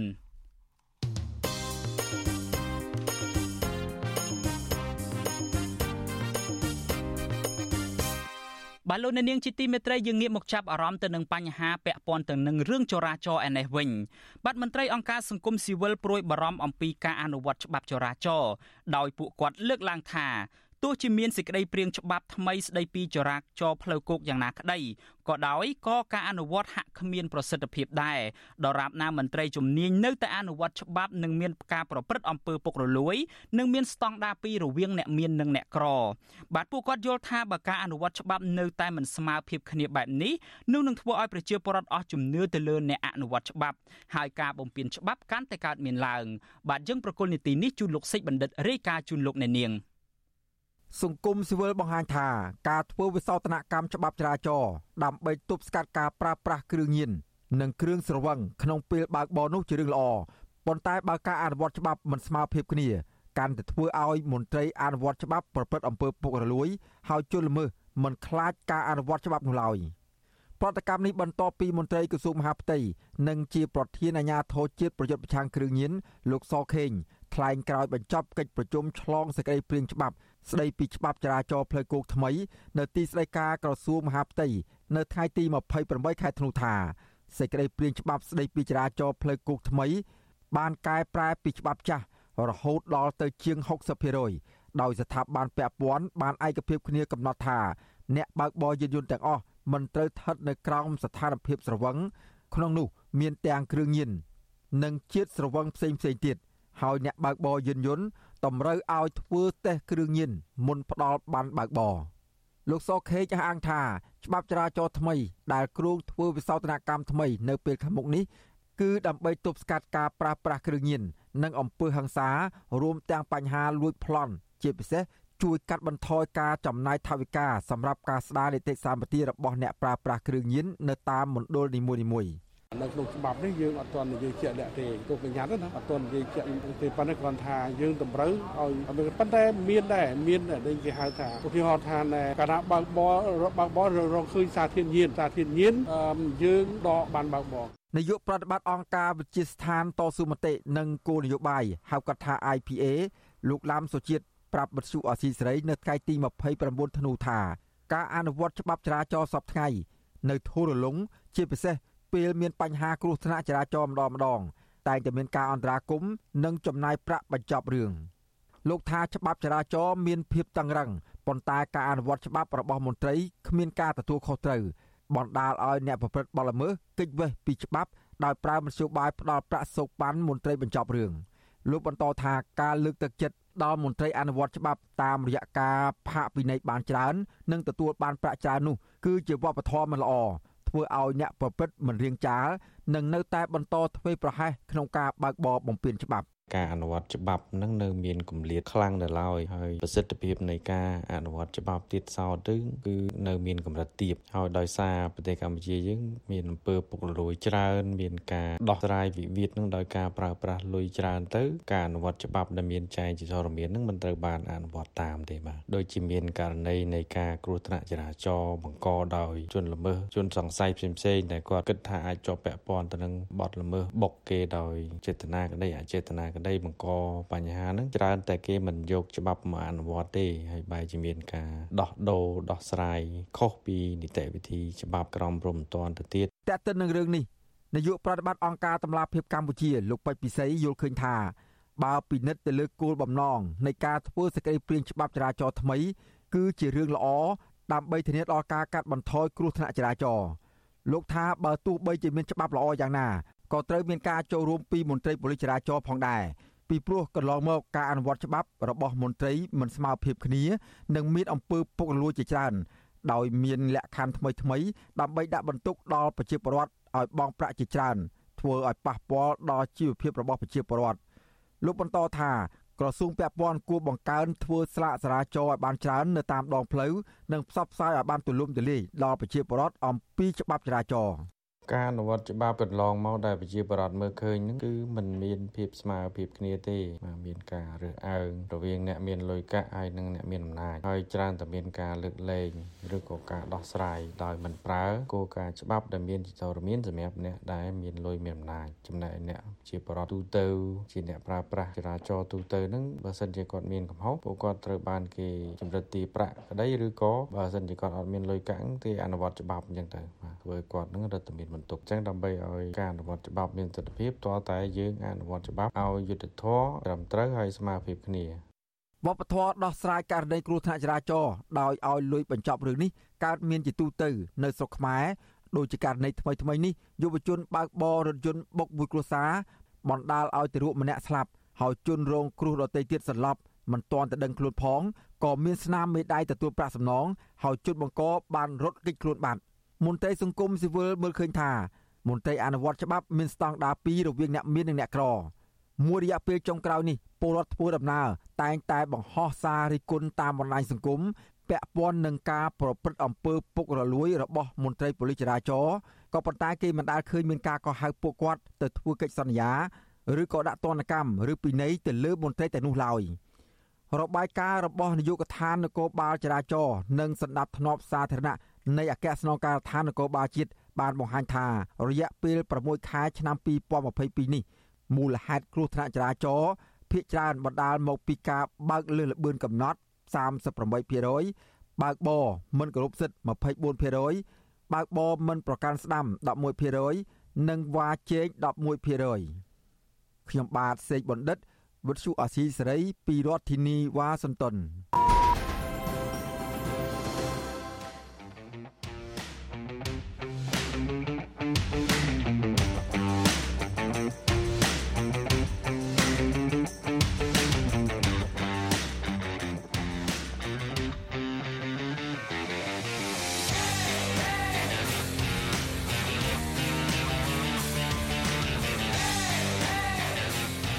សួស្តីលោកនាងកញ្ញាទាំងអស់ជាទីមេត្រីក្នុងឋានៈដែលយើងត្រៀមខ្លួនស្វាគមន៍ឆ្នាំថ្មីឆ្នាំ2023នេះខ្ញុំបាទសូមធាតឱកាសសូមជូនពរលោកលោកស្រីអ្នកនាងកញ្ញាទាំងអស់សូមឲ្យឆ្នាំថ្មីនេះនាំមកជូនប្រិយមិត្តទាំងអស់នៅឱកាសថ្មីក្នុងជីវិតនិងសូមលោកលោកស្រីបានសម្រេចនៅសេចក្តីប្រងប្រាថ្នាក្នុងឆ្នាំថ្មីនេះចាននាងខ្ញុំសូមអរគុណចំពោះភក្ដីភាព និងការគ្រប់គ្រងរបស់លោកនាងកញ្ញាដែលបានធ្វើឲ្យវិទ្យុអស៊ីស្រី ជាជំរើសទី1ក្នុងចំណោមស្ថាប័នផ្សព្វផ្សាយព័ត៌មានឯករាជ្យលោកអ្នកនាងមានជំរើសច្រើនណាស់នៅក្នុងការទទួលបានព័ត៌មាននៅក្នុងយុគសម័យបច្ចេកវិទ្យាជឿនលឿនបែបនេះក៏ប៉ុន្តែការនៅតែបន្តចូលគ្រប់គ្រងចែកចាយនិងស្ដាប់ការផ្សាយរបស់យើងគឺជាកម្លាំងចិត្តដ៏មោះមុតសម្រាប់យើងទាំងអស់គ្នាហើយនេះក៏ជាការឆ្លុះបញ្ចាំងថា យើងបានបំពេញបេសកកម្មជាអ្នកយកព័ត៌មានជូនដល់លោកអ្នកនាងកញ្ញាទាំងអស់បាទទោះជាយ៉ាងនេះក្តីយើងនៅតែខិតខំកែច្នៃផ្លាស់ប្ដូរកម្មវិធីរបស់យើងឲ្យសមស្របទៅតាមការរីកចម្រើននៃបច្ចេកវិទ្យានិងឲ្យលោកអ្នកនាងកញ្ញាកាន់តែមានភាពងាយស្រួលក្នុងការចូលទៅស្ដាប់ឬទស្សនាឬក៏ចែកចាយការផ្សាយរបស់យើងផងដែរនៅក្នុងឆ្នាំ2023នេះលោកអ្នកនាងនឹងបានឃើញកម្មវិធីថ្មីៗមួយចំនួនរបស់យើងដូចជា យើងនឹងផ្លាស់ប្ដូរកម្មវិធីសម្ភាស30នាទីនៅពេលយប់របស់យើងឲ្យទៅជាកម្មវិធីព័ត៌មានវីដេអូខ្លីៗបទសម្ភាសខ្លីៗឲ្យបានកាន់តែច្រើននិងបានលឿនជាងមុន សម្រាប់ផ្សព្វផ្សាយឲ្យទាន់ហេតុការណ៍ជាងពេលមុនដោយសារឆ្នាំ2023នេះមានការបោះឆ្នោតសកលនៅកម្ពុជាយើងក៏នឹងមានផលិតកម្មវិធីបន្ថែមទៀតទាក់ទងនឹងការបោះឆ្នោតនោះដែរ។ យើងនឹងពង្រីកវត្តមាននៃបណ្ដាញស្វែងរកនិងផ្សព្វផ្សាយព័ត៌មានរបស់យើងឲ្យកាន់តែទូលាយជាងមុនចាស់ដោយយើងនឹងបង្កើនចំនួនអ្នកយកព័ត៌មានសម្រាប់ឈរជើងនៅប្រទេសអូស្ត្រាលីចាស់ជាទីតាំងភូមិសាស្ត្រដែលមានម៉ោងពេលប្រហាក់ប្រហែលនឹងម៉ោងពេលនៅកម្ពុជានិងជាទីតាំងមួយដែលអាចនឹងផ្ដល់សុវត្ថិភាពល្អប្រសើរចាស់សម្រាប់អ្នកយកព័ត៌មានរបស់យើងផង ពីប្រទេសអូស្ត្រាលីខ្ញុំបាទបដិញ្ញាប្រគៀកស្មាររួមដំណើរជាមួយនឹងក្រុមការងាររបស់យើងជាបន្តទៀតនៅក្នុងឆ្នាំថ្មីនេះដើម្បីបង្កើនការផ្សព្វផ្សាយព័ត៌មានចម្រុះគ្រប់ជ្រុងជ្រោយជូនលោកអ្នកនាងកញ្ញាបាទខ្លួនខ្ញុំបាទផ្ទាល់ព្រមទាំងសហការីទាំងអស់នៅ VTV Asia សេរីសូមអរគុណលោកអ្នកនាងកញ្ញាជាថ្មីម្ដងទៀតយើងខ្ញុំជឿជាក់ថាចំណងតាក់ទងរវាង VTV Asia សេរីនិងលោកអ្នកនាងកាន់តែរីកចម្រើនជឿនលឿនថែមទៀតក្នុងឆ្នាំថ្មីនេះនិងឆ្នាំខាងមុខខាងមុខសូមអរគុណ សួស្តីឆ្នាំថ្មី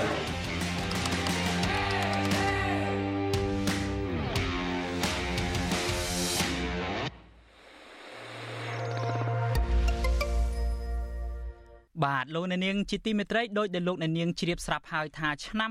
2022នេះគឺជាឆ្នាំដែលមានព្រឹត្តិការណ៍ជាច្រើនបានកើតមាននៅកម្ពុជា មានទាំងព្រឹត្តិការណ៍ដែលកម្ពុជារៀបចំធ្វើជាម្ចាស់ផ្ទះនៃកិច្ចប្រជុំកំពូលអាស៊ាន មានទាំងព្រឹត្តិការណ៍នយោបាយការចាប់ខ្លួនសកម្មជនសិទ្ធិមនុស្សអង្គការសង្គមស៊ីវិលព្រមទាំងបញ្ហាដទៃទៀតជាច្រើនហើយព័ត៌មានទាំងអស់នេះគឺមាននៅក្នុងគេហទំព័ររបស់វិទ្យុអាស៊ីសេរីដែលមានអាសយដ្ឋាន www.rfa.org/ ខ្មែរប្រសិនបើលោកអ្នកនាងចង់តាមដានព្រឹត្តិការណ៍ទាំង lain ដែលកើតមាននៅក្នុងសង្គមកម្ពុជាយើងនៅក្នុងឆ្នាំ2022នេះសូមលោកអ្នកនាងចូលទៅកាន់គេហទំព័រនេះហើយទន្ទឹមពេលនៃការតាមដានព័ត៌មានរបស់អាស៊ីសេរីតាម គេហទំព័រតាមប្រព័ន្ធបណ្ដាញសង្គមដូចជា YouTube Telegram លោកអ្នកនាងក៏អាចតាមដាนការផ្សាយរបស់យើងតាមប្រព័ន្ធ Instagram បានដែរអាស៊ីសេរីមានប្រព័ន្ធ Instagram ដែលមានអាសយដ្ឋាន www.instagram.com/rfa ខ្មែរលោកអ្នកនាងក៏អាចចូលទៅយកតាមដានព័ត៌មានស្ដាប់ព័ត៌មានឬមួយក៏ទស្សនាព័ត៌មានទាំង lain នៅក្នុងប្រព័ន្ធ Instagram នេះតាមអាសយដ្ឋានដូចដែលខ្ញុំបាទបានជម្រាបជូនសូមលោកអ្នកនាងបន្តគ្រប់គ្រងការផ្សាយរបស់យើងនឹងព័ត៌មានរបស់យើងបន្តទៅទៀតបាទ បាទលោកនាងជាទីមេត្រីឥឡូវយើងងាកមកចាប់អារម្មណ៍ទៅនឹងរឿងដែលអ ுக ្រិតជនគ្រឿងញៀនបានបាញ់សម្លាប់មន្ត្រីសមត្ថកិច្ចយើងឯនេះវិញកម្លាំងសមត្ថកិច្ចនគរបាលជាតិចាប់បានអ ுக ្រិតជនជួញដូរគ្រឿងញៀនចំនួន3នាក់ខណៈខ្មាន់កំភ្លើងម្នាក់ទៀតបានរត់គេចខ្លួនភ្លាមភ្លាមក្រោយដកកំភ្លើងបាញ់តដៃជាមួយនឹងសមត្ថកិច្ចបណ្ដាលឲ្យមន្ត្រីនគរបាលម្នាក់បានស្លាប់នៅក្នុងហេតុការណ៍ចុះបង្ក្រាបគ្រឿងញៀននៅរាជធានីភ្នំពេញកាលពីយប់ថ្ងៃទី28ខែធ្នូកន្លងទៅបាទលោកនៅវណ្ណរិនរាយការណ៍ពឹស្ដារអំពីរឿងនេះអគ្គលេខាធិការនៃអគ្គលេខាធិការដ្ឋានអាជ្ញាធរជាតិប្រយុទ្ធប្រឆាំងនឹងគ្រឿងញៀនលោកមាសវិរិទ្ធប្រាប់វិទ្យុអាស៊ីសេរីកាលពីថ្ងៃទី29ខែធ្នូថាសមត្ថកិច្ចកំពុងបើកការស៊ើបអង្កេតតាមចាប់ខ្លួនខ្មាន់កំភ្លើងរូបនោះហើយទោះយ៉ាងណាលោកថាសមត្ថកិច្ចបានសាកសួរជនសង្ស័យដែលសមត្ថកិច្ចបានចាប់ខ្លួនដើម្បីមានតម្រុយបន្ថែមនៅក្នុងការពន្លឿននីតិវិធីតាមចាប់ខ្មាន់កំភ្លើងរូបនោះ ជំដៃដល់តដៃជាមួយសមត្ថកិច្ចរត់គេចក្នុងទីកំពង់ច្បារតាមរកយើងបានកំណត់អត្តសញ្ញាណបានមួយចំនួនហើយជារូបភាព កាលពីយប់ថ្ងៃទី28ធ្នូកម្លាំងមន្ទីរជំនាញនៃអគ្គស្នងការដ្ឋាននគរបាលជាតិបានបង្ក្រាបក្រុមអ ுக ្រិតជនជួញដូរគ្រឿងញៀនមួយក្រុមរហូតដល់ចំណុចផ្លូវ60ម៉ែត្រស្ថិតនៅក្នុងខណ្ឌដង្កោរាជធានីភ្នំពេញក្រុមអ ுக ្រិតជនទាំងនោះបានដកកំភ្លើងបាញ់រះជាច្រើនគ្រាប់តដៃជាមួយនឹងសមត្ថកិច្ចបណ្ដាលឲ្យមន្ត្រីនគរបាលឈ្មោះមិចឆាយវិភ័យដេកស្លាប់ក្នុងថ្លុកឈាម លោកមាសវិរិទ្ធបញ្ជាក់ថាសមត្ថកិច្ចបានឃាត់ខ្លួនជនសង្ស័យជនជាតិវៀតណាម2នាក់និងខ្មែរម្នាក់ចំណែកឯខ្មាន់កំភ្លើងបានរត់គេចខ្លួនភ្លាមភ្លាមក្រោយបាញ់តដៃកម្លាំងចុះបង្ក្រាបលោកមាសវិរិទ្ធបានឲ្យដឹងទៀតថាគ្រឿងញៀនដែលសមត្ថកិច្ចរឹបអូសបានជាប្រភេទកេតាមីននិងកេតាំហ្វេតាមីនឬអ៊ៃសចំនួន2ដុំព្រមទាំងអាវុធមួយចំនួនផង លោកអំពីវនីវដល់កម្លាំងសមត្ថកិច្ចត្រូវបង្កើនការប្រុងប្រយ័ត្នព្រោះលោកថាក្រុមអ ுக ្រិតជន ពួកគេហ៊ានធ្វើសកម្មភាពគ្រប់បែបយ៉ាងនៅក្នុងគ្រាដែលសមត្ថកិច្ចចុះបង្ក្រាបក្រុមអ ுக ្រិតជនតែងតែប្រើប្រាស់គ្រប់មធ្យោបាយក្នុងការតដៃជាមួយសមត្ថកិច្ចសមត្ថកិច្ចត្រូវតែបង្កើនការប្រុងប្រយ័ត្នប៉ុន្តែទោះបីយើងបង្កើនការប្រុងប្រយ័ត្នក៏យើងនៅអាចមកខ្វះខាត ពីព្រោះក្រមអក្រិតជនវាមានវាក៏មានបពពួកមានក៏មានគ្នាច្រើនដែរហើយសមត្ថកិច្ចយើងពេលដែលចោះអនុវត្តគឺចោះអនុវត្តទៅគោរពទៅតាមច្បាប់ទៅតាមទូនាទីនិងគោរពសិទ្ធិមនុស្សហើយពួកក្រមអក្រិតជនវាអត់មានគោរពសិទ្ធិអ្នកណាទេគឺវាត្រូវតដៃតដៃតែម្ដងហើយភាគច្រើនក្រមអក្រិតជននឹងមានអាវុធជុំវិញរឿងនេះមន្ត្រីសង្គមស៊ីវិលសោកស្ដាយចំពោះមន្ត្រីនគរបាលដែលបានស្លាប់នៅក្នុងហេតុការណ៍បង្ក្រាបគ្រឿងញៀន នាយកទទួលបន្ទុកកិច្ចការទូតនៃអង្គការលីកាដូលោកអំសំអាតជំរុញដល់រដ្ឋាភិបាលត្រូវបង្កើននៅកិច្ចសហប្រតិបត្តិការក្នុងការបង្ក្រាបក្រុមអ ுக ្រិតជនបន្ថែមទៀតបញ្ហាមួយទៀតត្រូវតែទប់ស្កាត់នៃការចរាចរណ៍និងការជួញដូរអាវុធ ដោយខុសច្បាប់ពីព្រោះអក្រិតជនដែលធ្វើការជួញដូរគ្រឿងញៀនមានអាវុធភ្ជាប់នឹងខ្លួនដែរការត្រួតពិនិត្យនិងការទប់ស្កាត់ការជួញដូរអាវុធជាតិផ្ទុះយើងនៅមានភាពធូររលុងហើយជនបរទេសអាចឆ្លៀតឱកាសក្នុងការប្រើប្រាស់អាវុធដោយខុសច្បាប់បាននៅកម្ពុជាអានឹងវាជាការលក្ខណៈមួយបង្កភាពអសន្តិសុខនិងភាពភ័យខ្លាចសម្រាប់សង្គមជាតិក៏ដូចជាប្រជាពលរដ្ឋចំណុចនេះយើងត្រូវតែមានការទប់ស្កាត់ទាំងពីរ ចំណែកអ្នកវិភាគនយោបាយលោកកឹមសុខមើលឃើញថាកម្ពុជាក្រោមការដឹកនាំរបស់លោកហ៊ុនសែនបានកើតមាននៅបាត់ល្មើសឧក្រិដ្ឋកម្មជាច្រើន ជាពិសេសឧក្រិដ្ឋកម្មគ្រឿងញៀនដែលបន្តហូរមកកម្ពុជាជាហូរហែលោកកឹមសុខចោទថាមូលហេតុករណីគ្រឿងញៀននៅកម្ពុជាបន្តកើតមានឡើងកាន់តែច្រើនទំនងមានមនុស្សចំណិតរបស់លោកហ៊ុនសែននៅពីក្រោយខ្នងរបស់ពួកអ ுக ្រិតជនទាំងនោះ លោកហ៊ុនសែនគាត់មានមនុស្សចំណិតចំណិតច្រើនណាស់ដែលសុទ្ធតែមានអំណាចនិងសេរីភាពរកស៊ីលៀងលុយកខ្វក់ជាក់ស្ដែងយើងឃើញហើយតាមរយៈក្រសួងកសិកម្មនិងក្រសួងពាក់ព័ន្ធគេដឹកសារធាតុផលិតថ្នាំញៀនចូលកម្ពុជាម្ដងម្ដងរាប់រយតោនរកអ្នកទទួលខុសត្រូវពិតមិនឃើញទេយើងសួរថាថ្នាំញៀនទាំងនោះយកទៅធ្វើអ្វីចាប់មិនបានផងហ្នឹងគឺលក់យកលុយហើយលុយនោះចូលនរណាត្រង់នេះយើងគួរតែដឹងហើយបើរកអ្នកទទួលខុសត្រូវមិនទាំងឃើញផងហ្នឹងនេះមិនមែនជាលើកទី1ទេដែលកងកម្លាំងសមត្ថកិច្ចត្រូវបានជន់ល្មើសបាញ់តដៃបណ្ដាលឲ្យស្លាប់ជាញឹកញយរាល់ពេលសមត្ថកិច្ចចុះបង្ក្រាបករណីជួញដូរគ្រឿងញៀនត្រង់ទ្រាយធំធំម្ដងម្ដងក្រុមអ ுக ្រិតជនមួយចំនួនតែងតែមានកំភ្លើងបាញ់តទល់ជាមួយនឹងសមត្ថកិច្ចវិញ ជាក់ស្ដែង កាលពីខែមេសាឆ្នាំ2022កន្លងទៅ មេប៉ុស្តិ៍ឃុំទួលព្រិចស្រុកអង្គស្នួរខេត្តកណ្ដាលត្រូវបានអ ுக ្រិតជនបាញ់ស្លាប់នៅក្នុងពេលចុះបង្ក្រាបក្រុមជនល្មើសមួយក្រុមធ្វើសកម្មភាពជួញដូរគ្រឿងញៀននៅក្នុងព្រៃមួយកន្លែងនៅក្នុងភូមិចន្ទ្រាថ្មីឃុំទួលពេជ្រស្រុកអង្គស្នួលខេត្តកណ្ដាល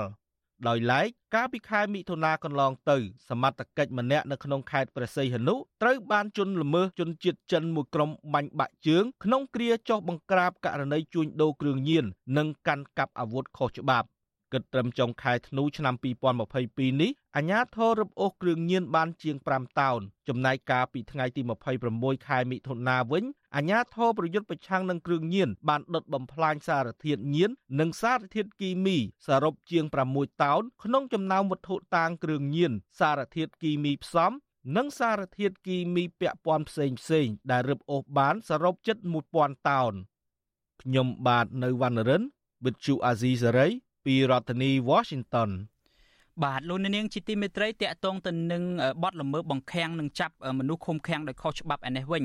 សមត្ថកិច្ចខេត្តព្រះសីហនុបានបញ្ជូនជនសង្ស័យចំនួន8នាក់ក្នុងនោះមានជនជាតិចិន5នាក់និងខ្មែរ3នាក់ទៅសាលាដំបងខេត្តនេះពាក់ព័ន្ធទៅនឹងករណីចាប់ឃុំឃាំងនិងបង្ខាំងដោយខុសច្បាប់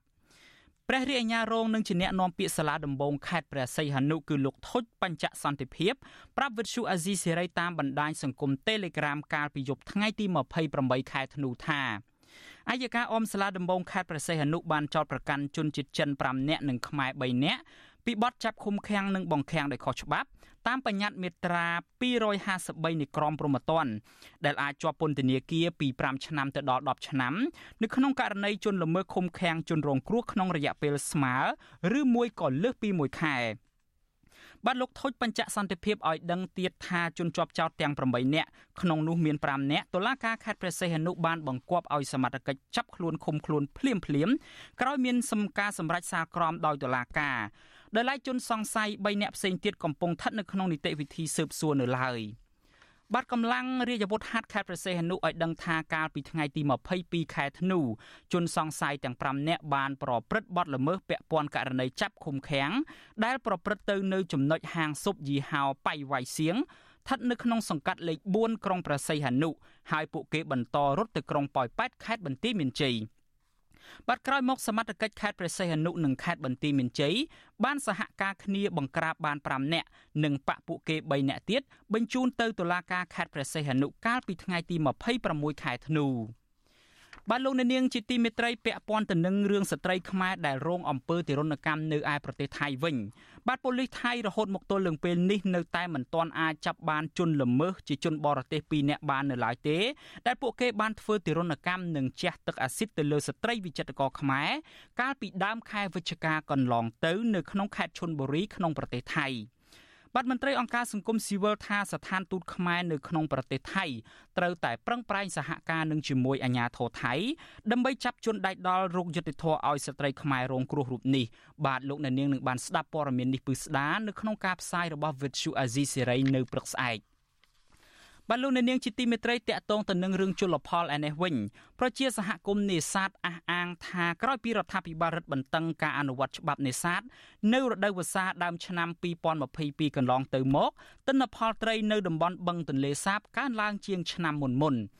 បាទប្រជានេសាទរស់នៅក្នុងខេត្តបាត់ដំបងនិងនៅក្នុងខេត្តសៀមរាបបន្តអំពាវនាវដល់រដ្ឋាភិបាលឲ្យផ្ដោតការយកចិត្តទុកដាក់ពង្រឹងការអនុវត្តច្បាប់នេសាទជាអាទិភាពនិងឲ្យបានយូរអង្វែងបាទលោកអ្នកនាងក៏នឹងបានស្ដាប់ព័ត៌មាននេះពឺស្ដារនៅក្នុងការផ្សាយរបស់យើងនៅព្រឹកស្អែកដែរ។ បាទលោកអ្នកនាងជាទីមេត្រីលោកអ្នកនាងដែលកំពុងតាមដានការស្ដាប់ការផ្សាយរបស់យើងតាមរយៈរលកធាតុអាកាសខ្លីឬមួយក៏ shortwave លោកអ្នកនាងនឹងមិនលឺការផ្សាយរបស់យើងទៀតទេនៅម៉ោង8កន្លះនេះប៉ុន្តែសម្រាប់លោកអ្នកនាងដែលតាមដានការផ្សាយរបស់យើងនៅតាមបណ្ដាញសង្គម Facebook និង YouTube សូមលោកអ្នកនាងបន្តសម្រាប់រយៈពេល30នាទីជាមួយយើងបន្តទៅទៀតបាទកម្មវិធី30នាទីបន្តទៅទៀតនេះយើងនឹងមានកិច្ចពិភាក្សាមួយអំពីប្រធានបទ ថាតើវប្បធម៌អន្តរាគមរបស់លោកនាយករដ្ឋមន្ត្រីហ៊ុនសែនឲ្យអ្នកដែលធ្វើការងារបម្រើក្រុមគ្រួសាររបស់លោករួចផុតពីទោសទណ្ឌនោះឆ្លោះបញ្ចាំងបែបណាពីប្រព័ន្ធយុតិធធននៅកម្ពុជាបាទកម្មវិធីនេះមានលោកថាថៃអ្នកឆ្លើយឆ្លងព័ត៌មានរបស់អាស៊ីសេរីប្រចាំតំបន់អាស៊ីប៉ាស៊ីហ្វិកជាអ្នកសម្របសម្រួលដូចតទៅ បាទសូមអរគុណ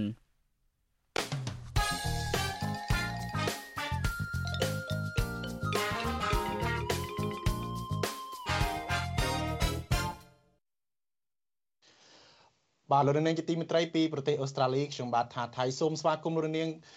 ដែលកម្មវិធីមកកាន់កម្មវិធីផ្សាយរយៈពេល30នាទីជាបន្តទៀតកិច្ចពិភាក្សាយើងនៅរាត្រីនេះគឺដោយលោកយ៉ងច័ន្ទរាបានជម្រាបលោកនាងហើយគឺថាយើងនឹងជជែកពិភាក្សាទៅនឹងកិច្ចអន្តរាគមន៍របស់លោកនាយរដ្ឋមន្ត្រីហ៊ុនសែនដោយតែងតែមានភាពលំអៀងនៅក្នុងចំនួនដីធ្លីដែលកន្លងមកថ្មីថ្មីនេះបានលំអៀងទៅ